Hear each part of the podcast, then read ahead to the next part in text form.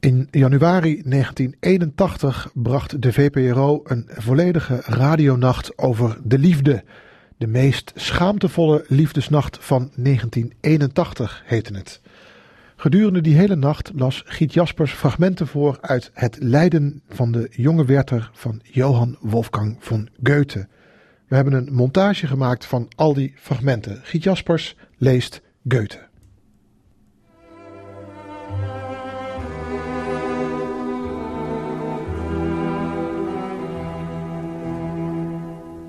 Wat een kind is een mens. Om zo te hunkeren naar één blik. Wat een kind is een mens. We waren naar Waalheim gegaan, de dames per koets. En tijdens onze wandeling daar dacht ik in Lotte's zwarte ogen... Ik ben een dwaas, vergeef me. Je zou ze moeten zien, die ogen. Maar laat me kort zijn. De dames stapten weer in. Rond de koets stonden jonge Celstad en Oudran en ik. Door het portier werd er met de heertjes gebabbeld... die dan ook behoorlijk vlot en vrolijk deden... Ik zocht Lottes ogen. Ach, ze gingen van de een naar de ander, maar naar mij, naar mij, die daar enkel en alleen op haar bedacht bij stond, naar mij gingen ze niet. Mijn hart zei haar duizendmaal gedag en ze zag me niet. De koets reed weg en er stonden tranen in mijn ogen. Ik keek hem na en zag Lottes kap door het portier naar buiten komen. Ik zag dat ze omkeek. Naar mij? Lieve vriend, in die onzekerheid zweef en beef ik en daar troost ik me mee. Misschien heeft ze wel omgekeken naar mij. Misschien. Goedenacht. Oh, wat een kind ben ik.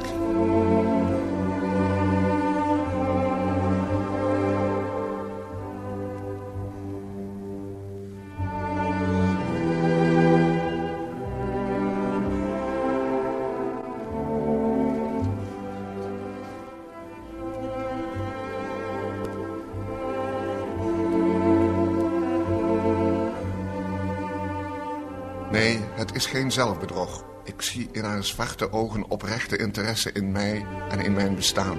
Ja, ik voel, daarin kan ik me op mijn hart verlaten, dat ze, oh, mag ik, kan ik wat hemel heet uitspreken in die woorden?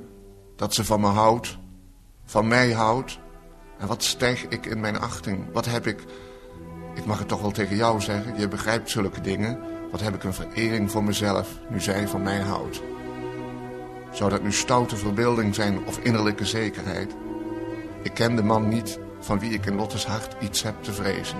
Maar toch, als ze over haar verloofde praat, met zoveel warmte en zoveel liefde over hem praat, dan is het me te moede als iemand die een rang verlaagt en uit zijn waardigheid ontzet wordt en wiens degen wordt afgenomen.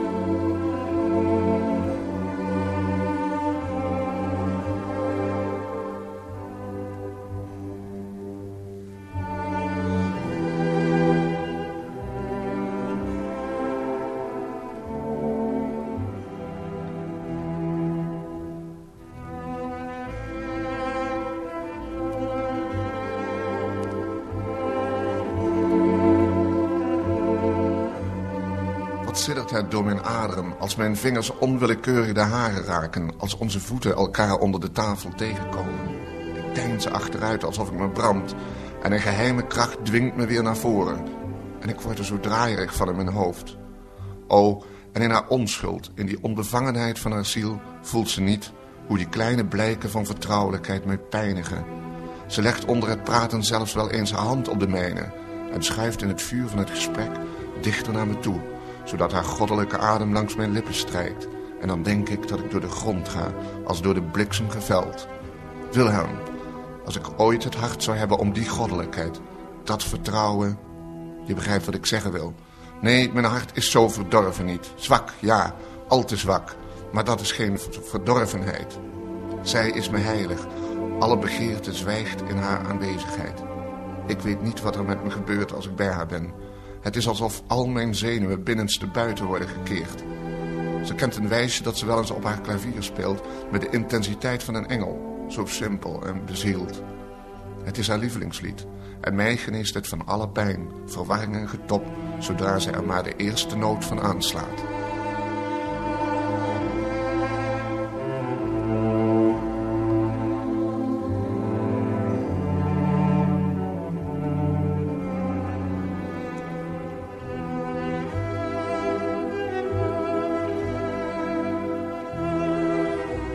Zie haar vandaag roep ik ochtends als ik wakker word en met een licht hart de stralende zon tegemoet zie.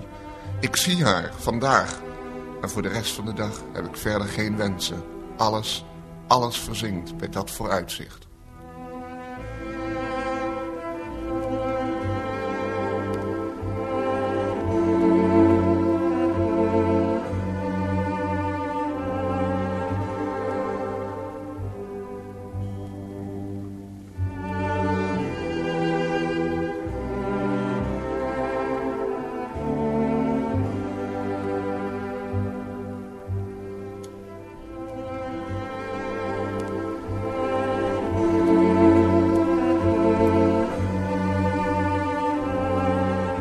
Heb me al ettelijke keren voorgenomen niet zo vaak naar haar toe te gaan. Maar om je daaraan te houden, iedere dag weer, bezwijk ik voor de verleiding en beloof mezelf heilig, morgen, morgen blijf je één keer weg.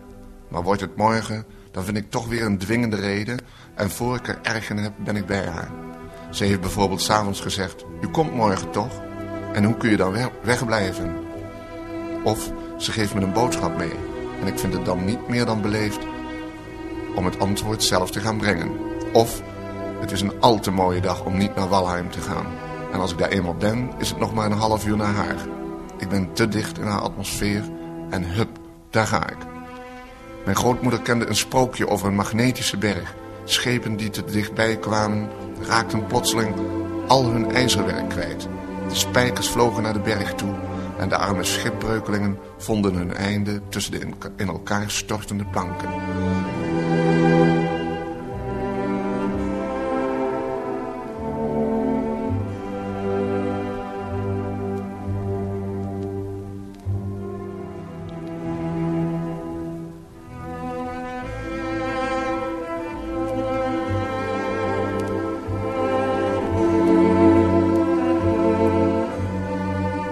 Dan opeens komt ze een man tegen tot wie ze zich onweerstaanbaar met een ongekende emotie voelt aangetrokken. Wie ze onmiddellijk al haar verwachtingen stelt, door wie ze de wereld om zich heen vergeet, niets meer weet, niets meer ziet, niets meer voelt dan hem, de enige. En altijd nog maar naar die enige verlangt. Niet bedorven door het lege genot waarmee wispelturige ijdelheid zich laat bevredigen, gaat haar verlangen recht op het doel af. Ze wil de zijne worden. Ze wil een eeuwige verbondenheid, al het geluk vinden dat ze ontbeert. Alle eengeworden vreugden smaken waar ze naar hunkert. Herhaalde beloften die de zekerheid van haar verwachtingen bezegelen. Vergaande liefkozingen die haar begeerte aanwakkeren. Beheersen haar hele ziel. Ze leeft in een zweverig, schemerig bewustzijn, een voorgevoel van geluk. Gespannen tot het uiterste strekt ze eindelijk haar armen uit om al haar wensen te omvatten. En haar geliefde verlaat haar. Verstart, ontzint staat ze voor een afgrond. Alles is duisternis om haar heen.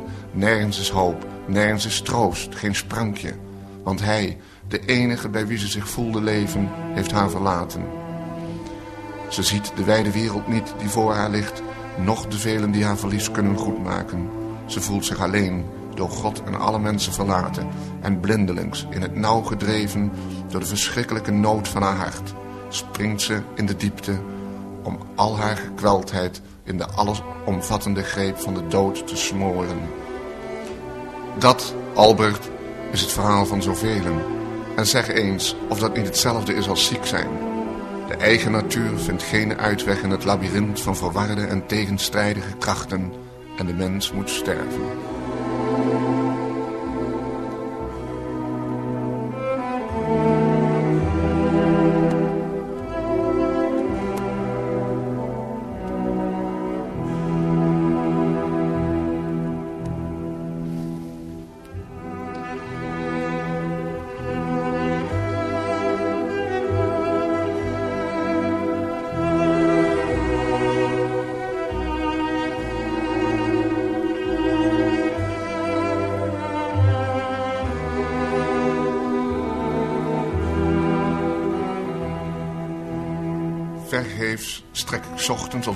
Uit diepe dromen opstijg mijn armen naar haar uit. Vruchteloos zoek ik haar s'nachts in mijn bed, misleid door een mooie argeloze droom, waarin ik naast haar in een wei zat en haar hand vasthield en met duizend kussen overdekte. Och, En als ik dan nog half dommelend naar haar rondtast en onderwijl wakker word, dan barst er uit mijn bedrukt hart een stroom van tranen los en ik huil, troosteloos, in een duistere toekomst.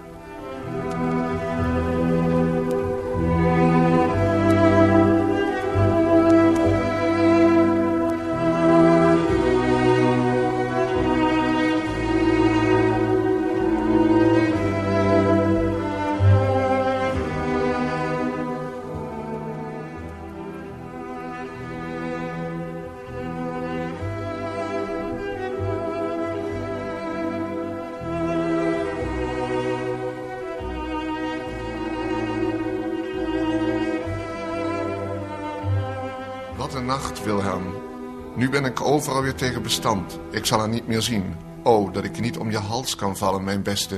Niet onder tranen en in vervoering uiting kan geven aan de stormende gevoelens in mijn hart. Hier zit ik en hap naar lucht. Probeer te kalmeren. Wacht op de ochtend. En voor zonsopgang zijn de paarden besteld. Ach, en zij slaapt gerust en weet niet dat ze me nooit meer zal zien. Ik heb me losgerukt ben zo sterk geweest om tijdens een gesprek van twee uur mijn voornemen niet te verraden. En God, wat voor een gesprek.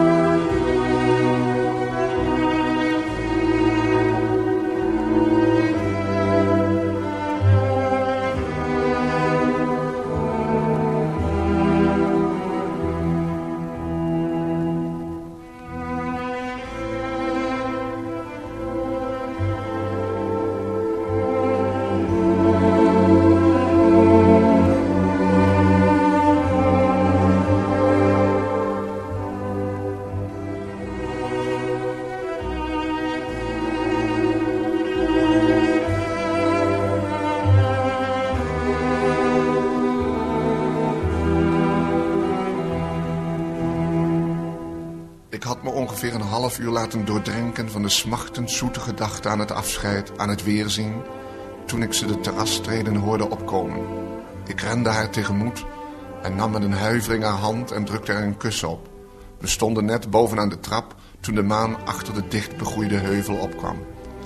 Al pratend wandelden we van Lieverlee naar het donkere prieel toe. Lotte ging naar binnen, ging zitten. Albert nam na naast haar plaats, ik ook. Maar mijn rusteloosheid dreef me weer overeind. Ik ging voor haar staan, begon heen en weer te lopen en liet me weer neer op de bank. Het was een beklemmend moment. Ze wees op het mooie effect van de maneschijn die aan het andere eind van de Beukenhagen het hele voor ons liggende terras verlichtte. Een prachtige aanblik. En des te treffender omdat wij zelf door diepe duisternis waren omringd. We zwegen, maar na een poosje begon ze te praten. Nooit, zei ze, nooit ga ik in het maanlicht wandelen of ik word overvallen door de gedachte aan mijn gestorven dierbaren. En een besef van de dood, van toekomstig leven, komt over me. Wij zullen voortbestaan, vervolgde ze op een toon van sublieme emotie. Maar vinden we elkaar ooit terug, Rechter? Zullen we elkaar herkennen? Wat denkt u? Wat zegt u? Lotte, zei ik, en stak haar mijn hand toe, terwijl mijn ogen vol tranen schoten. Wij zullen elkaar terugzien. Hier en daar zien we elkaar terug. Mijn stem begaf het.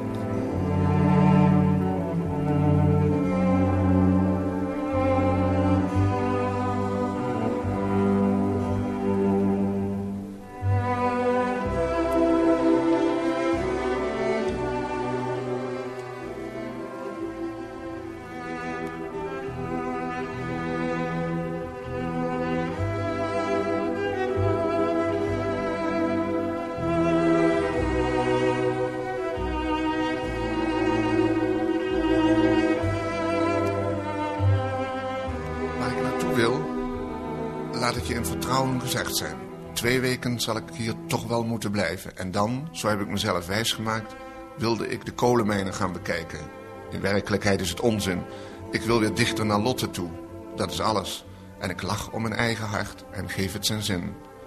Nee, het is goed. Alles is goed. Ik, haar man, o God, die mij hebt gemaakt. Als u dat geluk voor mij had weggelegd, zou mijn hele leven een altijd durend gebed zijn. Ik wil niet opstandig zijn. En vergeef me deze tranen. Vergeef me mijn zinloos verlangen. Zij, mijn vrouw, als ik het liefste schepsel ter wereld in mijn armen had gesloten... een rilling gaat door mijn lijf, Wilhelm. Als Albert haar slanke lichaam omvat. Mag ik mag ik het zeggen? Waarom zou ik niet Wilhelm? Met mij was ze gelukkiger geweest dan met hem. O, hij is niet de man die vervullen kan wat dat hart wenst. Een gemis aan een bepaalde gevoeligheid, een gemis. Neem voor lief wat ik zeg, dat zijn hart niet meeklopt bij, bij een passage in een dierbaar boek waar mijn en Lottes hart één zijn. Bij honderden andere gelegenheden dat zij en ik uiting geven aan onze indrukken. Lieve Wilhelm, maar hij houdt van haar met hart en ziel en zo'n liefde, wat verdient hij niet? Een vervelende bezoeker is me komen storen. Mijn tranen zijn gedroogd, mijn hoofd is er niet meer bij. Ik groet je, beste.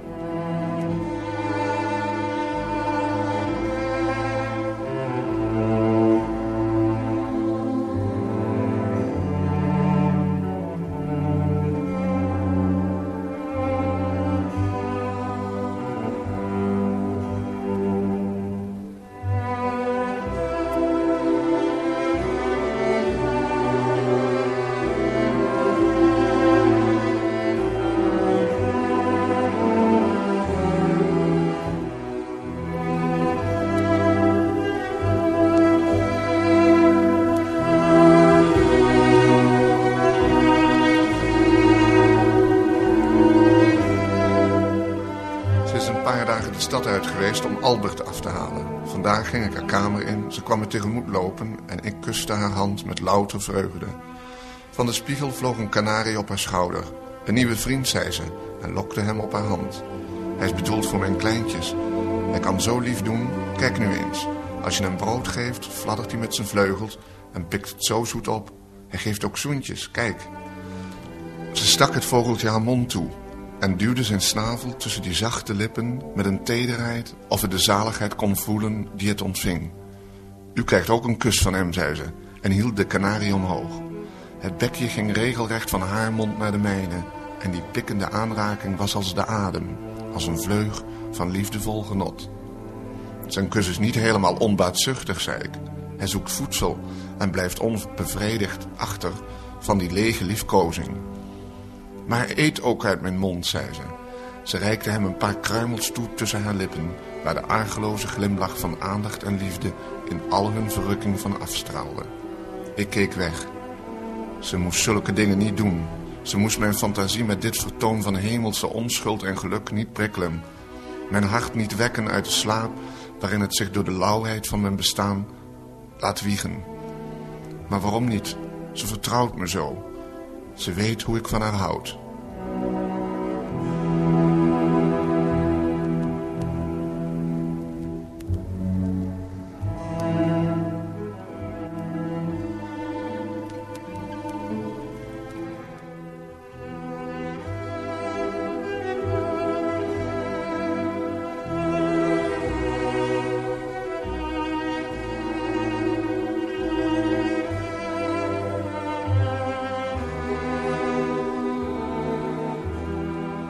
Ik kan soms van radeloosheid met mijn hoofd tegen de muur lopen... bij de gedachte hoe weinig mensen voor elkaar kunnen zijn.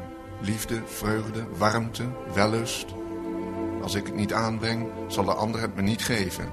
En met een hart boordevol gelukzaligheid... kan ik niemand blij maken die kil en levenloos voor me staat. Ik ben zo rijk en mijn liefde voor haar slokt alles op. Ik ben zo rijk en zonder haar verzinkt alles in het niet. Hoeveel keer ik al niet op het punt heb gestaan haar in mijn armen te nemen. God allemachtig weet wat het in je aanricht om zoveel lieftalligheid voor je gezicht te zien rondwandelen en niet te mogen toetasten. En toetasten is toch de natuurlijkste neiging van een mens. Grijpen kinderen niet overal naar waar ze zin in hebben, maar ik,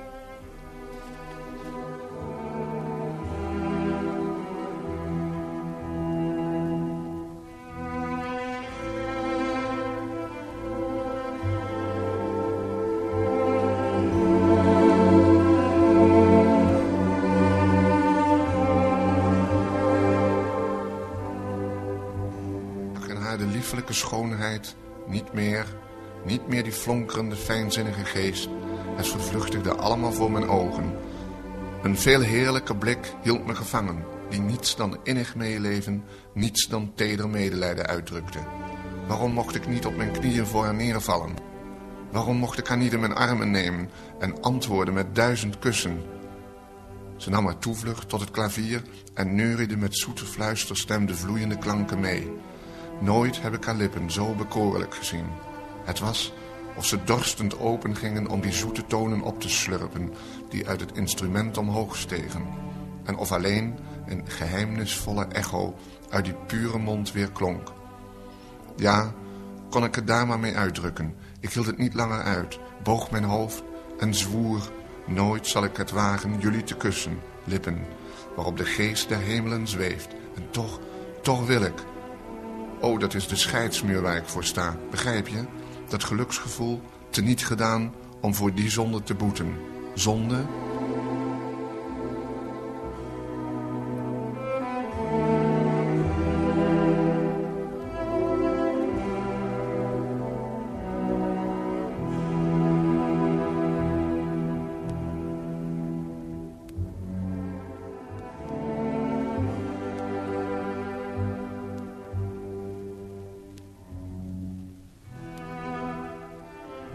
Begrijp me toch, het is afgelopen met me. Zie je dat niet? Ik hou het niet langer vol. Vandaag zat ik bij haar. Ik zat, zij speelde op haar klavier allerlei liederen. En met zoveel innigheid. Zoveel, zoveel. Hoe moet ik het zeggen? Haar kleine zusje kleedde haar pop aan op mijn schoot. De tranen schoten me in mijn ogen. Ik boog mijn hoofd en mijn blik viel op haar trouwring. Mijn tranen stroomden. En opeens zet ze die oude hemelzoete melodie in. Zo heel opeens en dan gaat door mijn ziel een gevoel van troost en herinnering aan voorbije dagen. Aan de tijd dat ik dat lied hoorde. Aan de sombere tussenperiode van verdriet. Aan mijn ijdele hoop. En daarna, ik ging weer heen en weer lopen door de kamer. Mijn hart stikte onder dat opdringend geweld. In Gods naam, zei ik, losbarstend met een heftig gebaar in haar richting. In Gods naam, hou op. Ze deed het en keek me star aan. Wechter, zei ze, met een glimlach die door mijn ziel sneed. Wechter, u bent ernstig ziek. Uw lievelingsgerecht staat u tegen. Ga naar huis. Toe, kom tot rust. Ik rukte me los uit haar gezelschap en... God, u ziet mijn nood en zult er een eind aan maken.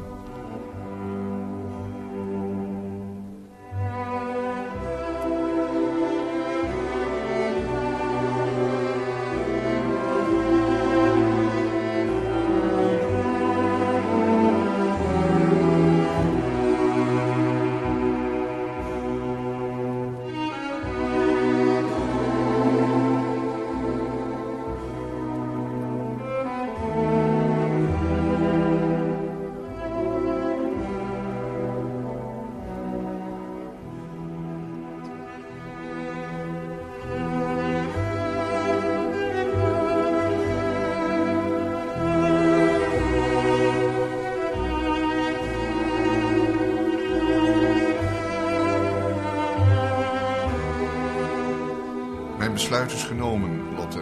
Ik wil sterven. En ik schrijf je dat zonder romantische geëxalteerdheid in alle kalmte. Op de ochtend van de dag dat ik je voor het laatst zal zien. Als je dit leest, lieve beste, dekt het koele graf reeds het verstarde overschot van de rusteloze, de ongelukkige, die voor de laatste ogenblikken van zijn leven geen groter zoetheid zou weten dan met jou te praten. Ik heb een verschrikkelijke nacht gehad. En ach, een weldadige nacht. Deze nacht is beslissend geweest, heeft me in mijn besluit gesterkt. Ik wil sterven. Toen ik me gisteren uit je bijzijn losrukte, in die vreselijke spanning en dat gevoel van verzet, waar mijn hart bijna van barstte, en mijn uitzichtloos, vreugdeloos bestaan naast jou me met een gruwelijke kilte naar de keel steeg, toen wist ik amper hoe ik op mijn kamer moest komen. Ik viel ontredderd op mijn knieën en, o God, u gunde me het laatste soelaas van bittere tranen. Duizend plannen, duizend mogelijkheden stormden door mijn brein. En tenslotte was daar, onwrikbaar, onverdeeld, die laatste en enige gedachte. Ik wil sterven.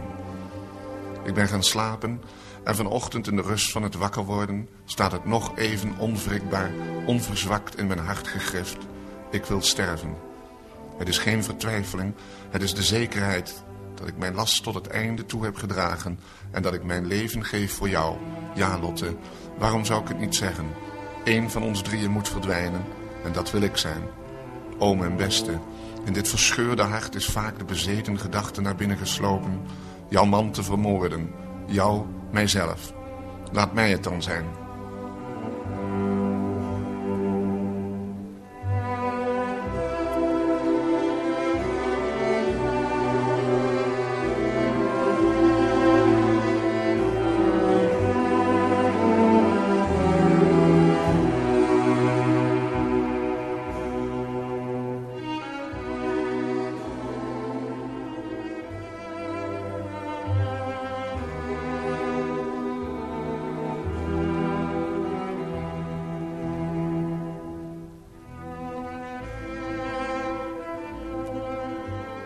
Voor het laatst dus, voor het allerlaatst, sla ik mijn ogen op. Ze zullen de zon niet meer zien. Helaas, een grijze, nevelige dag houdt hem verborgen. Treur dan maar, natuur. Je zoon, je vriend, je minnaar nadert zijn einde. Lotte, het is een gevoel dat met niets te vergelijken is. Maar het heeft nog het meest van een halfbewuste droom om tegen jezelf te zeggen... dit is de laatste morgen, de laatste... Lotte, mijn brein kan het niet vatten, dat woord laatste. Ben ik niet aanwezig met al mijn levenskracht? En morgen lig ik lang uit en slap op de grond. Doodgaan, wat betekent dat? Weet je, we dromen maar wat als we over de dood praten. Ik heb menigeen zien sterven. Maar het mensdom is te beperkt om het begin en het einde van zijn bestaan te bevatten. Nu nog van mij, dit bestaan, van jou, van jouw liefste en in één ogenblik gescheiden van elkaar afgesneden, misschien voor eeuwig. Nee, Lotte, nee, kan ik vergaan? Kun jij vergaan? We zijn immers vergaan. Wat betekent dat? Het is maar een woord, een holle klank, zonder gevoel voor mijn kloppend hart. Dood, Lotte, o vergeef me, vergeef me. Gisteren, het had het laatste ogenblik van mijn leven moeten zijn, o mijn engel. Voor het eerst, voor het eerst in alle stelligheid, gloeide tot in mijn diepste, binnenste het geluksgevoel door mij heen. Ze houdt van me.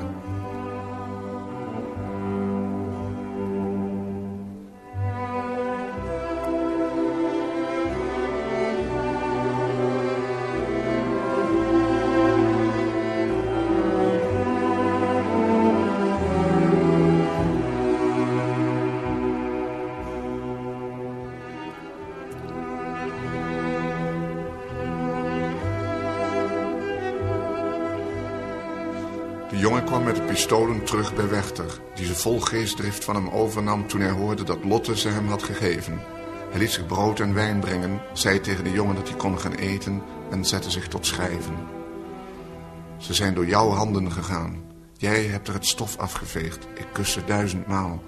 Jij hebt ze aangeraakt. Jij, wezen uit de hemel, begunstigt mijn besluit. Jij, Lotte, reik mij het instrument. Jij, uit wier handen ik de dood wenste te ontvangen. En ach, nu ontvang. Oh, ik heb mijn jongen uitgehoord.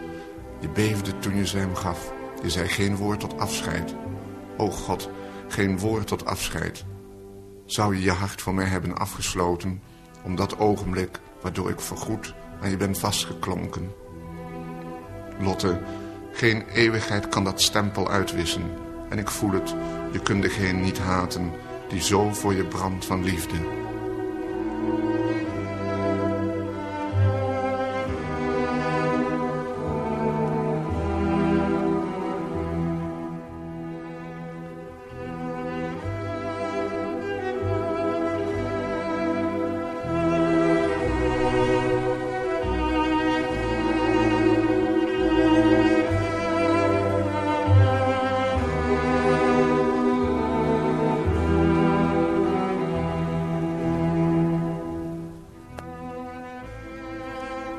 Alles is zo stil om me heen en er heerst zo'n rust in mij. Ik dank u, God, dat u aan deze laatste ogenblikken deze warmte, die kracht geeft.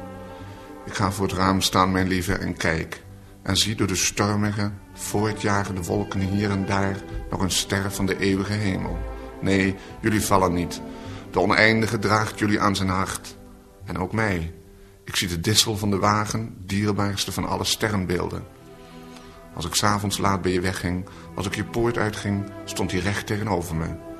Wat heb ik vaak dronken van vreugde naar hem gekeken. Hem vaak met opgeheven armen uitgeroepen tot teken, tot heilig gedenksteen van mijn geluk van toen. En nog, o Lotte, wat herinnert me niet aan jou? Ben ik niet omringd door jou? En heb ik niet als een inhalig kind allerlei kleine dingen weggegrist die door jouw heilige handen waren aangeraakt? Lief silhouet, ik vermaak het aan je terug, Lotte. En ik vraag het je in ere te houden. Duizend en duizenden keren heb ik het gekust. Duizend keren toegeknikt als ik uitging of thuis kwam. Ik heb je vader een briefje geschreven waarin ik hem vraag mijn lijk te beschermen. Op het kerkhof, achterin, staan twee lindenbomen. Daar wil ik liggen. Hij kan en zal dat ook doen voor zijn vriend. Vraag jij het hem ook? Ik wil niet van vrome christenen vergen dat ze hun lichamen naast een arme stakken te leggen. Ach, ik wilde dat jullie me langs de weg begroeven of in het eenzame dal, zodat priester en leviet bij mijn stenen kruis slaan in het langsgaan en de Samaritaan een traan vergiet. Hier, Lotte, ik huiver niet terug voor de ijzige kelk waaruit ik de roes van de dood zal drinken. Jij hebt hem me aangeraakt. En ik versaag niet. Het is voorbij. Voorbij. En daarmee zijn alle wensen en verwachtingen van mijn leven vervuld. Om zo koud, zo star aan de bronzen poort van de dood te kloppen. Mocht ik toch zo gelukkig zijn geweest om voor jou te sterven, Lotte. Om voor jou me op te offeren. Ik zou vol goede moed, vol vreugde sterven. Als ik jou weer vrede en geluk in je leven kon geven. Maar het is helaas maar een enkele nobele geesten gegeven hun bloed voor hun dierbaren te vergieten en door hun dood hun vrienden een nieuw, honderdvoudig rijker leven in te blazen.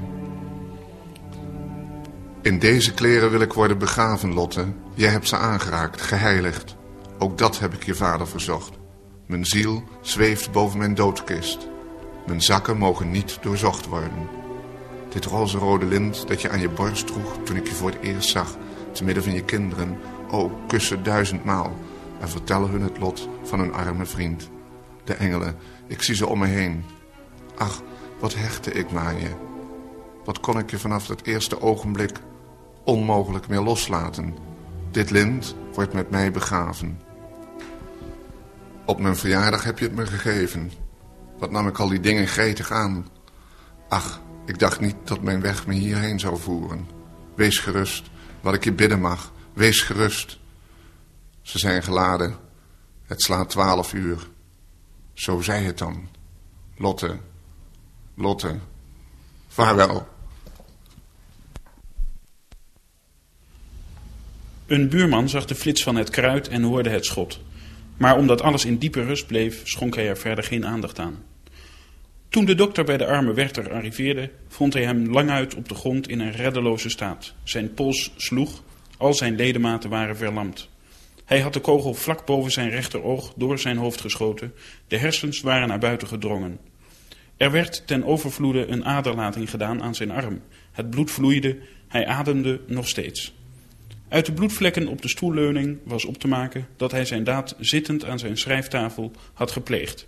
Daarna op de grond was gegleden en stuiptrekkend om de stoel heen was gerold. Hij lag slap op zijn rug naar het raam toe, met al zijn kleren aan. Zijn laarzen, zijn blauwe rok met geel vest.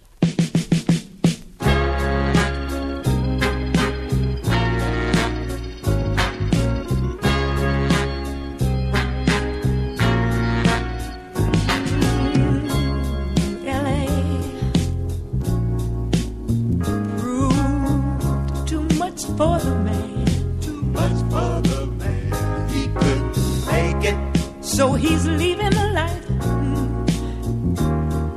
He's come to know. Ooh. He said he's going. He said he's going back to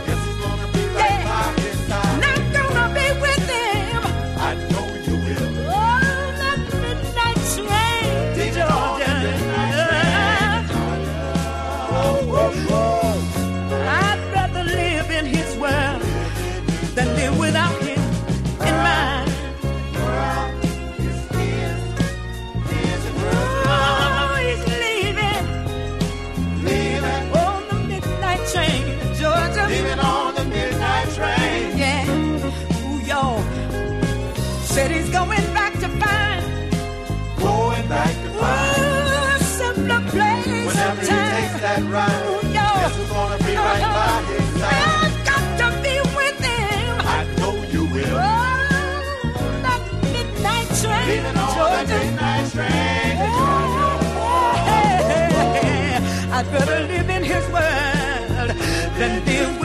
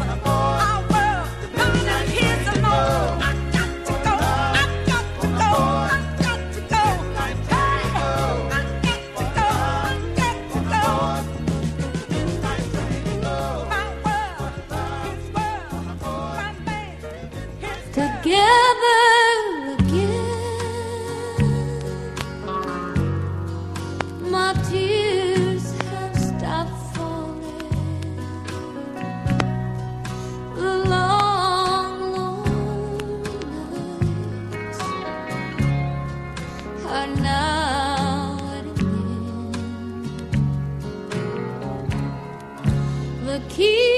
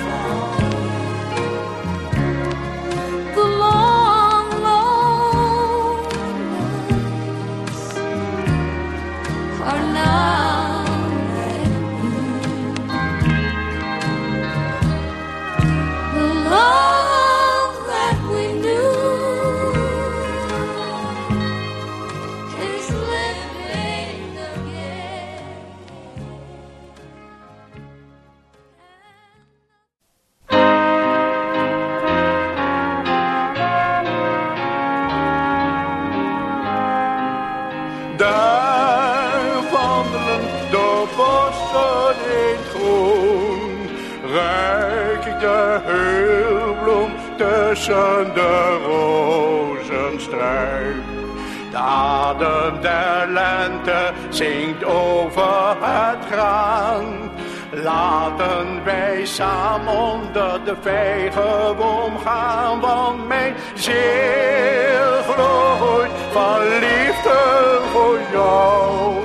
Daar schuift een witte wolk in blauw. Ja, onze harten die bloeien, gelijk heesters en beken en stromen van bergen naar dalen, naar meren en zeeën, waar de zee ruist door het fluisterende lover. En hoe moet ik toch zeggen dat ik van je hou?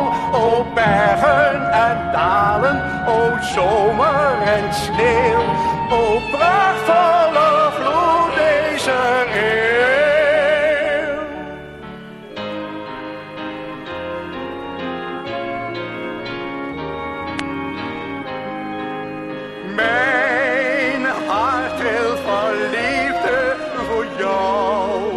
Zal jij ooit weten hoeveel ik toch van je hou? Zal jij ooit weten wat ik voor jou voel? Ja, toch, mijn liefste, jij weet wat ik bedoel. Ja, jij bent mijn een en mijn al. Jij bent het ik beminnen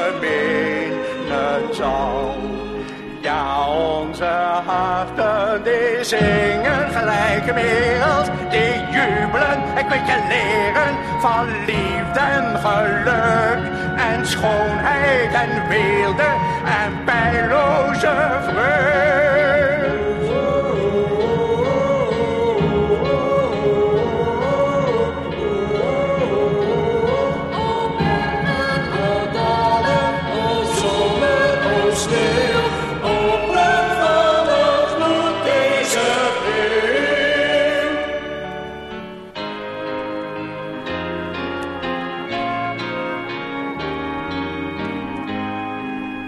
De wonderen der liefde zijn groot.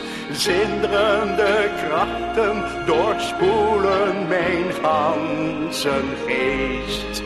Ik voel een bries langs mijn kaken vergaan.